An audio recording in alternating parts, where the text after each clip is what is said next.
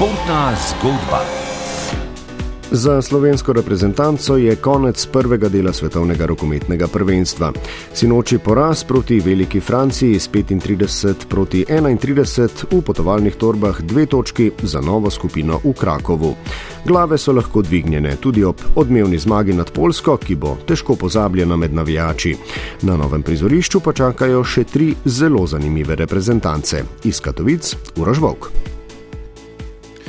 Policiji bom prijavil to tekmo, je po prepričljivi zmagi razigrane Slovenije nad Polsko zapisal eden od nekdanjih vodilnih mož njihove zveze. Nasploh je bil odziv na družabnih omrežjih, čeprav se vračam kakšen dan v preteklost, zanimiv in tudi duhovit. Eden od danskih rokometašev je tako čivknil, da bi slovenski reprezentanci morali dati nagrado za fair play, ker je tako športno sama izenačila število igralcev v napadu, kljub temu, da je imela možnost igrati z enim več.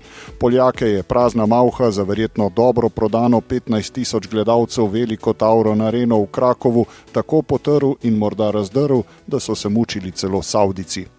Slovenska reprezentanca tako potrta v drugi del prvenstva nikakor ne bi smela odpotovati, ne glede na to, da vsak poraz boli, če si iz pravega športnega testa, tudi proti olimpijskim prvakom. S francozi že kar nekaj časa ni bilo tako konkurenčne tekme, nabirajo se sicer njihove zmage, so izrazito boljši v medsebojnih tekmah, a krepi se tudi vera v to, da kmalo pride kakšna slovenska. Mačkovšek je izpustil tekmo ta orjak, ki se je iz nikoli uresničenega napadalskega potencijala že pred leti spremenil v enega najbolj zanesljivih obrambnih igralcev, bi gotovo naredil nekaj razlike, a v drugem delu bo bolj potreben je ocenil tudi selektor in prve minute namenil še enemu zlatemu iz mladinskega evra Horvatu. Upam, da bo dan premora in nekoliko lažji prvi tekmec Iran dovolj za vrnitev ovnička, ki je zaradi bolečin v mišici veliko prezgodaj končal včerajšnjo tekmo tekmo. Prihajamo v tisti del turnirja, ko običajno v slovenskih reprezentancah že prihaja v ospredje utrujenost, posledica številnih nujnih kratkih in daljših sprintov okrog visokih obramb najboljših reprezentanc, da bi prišli do izrazitih priložnosti.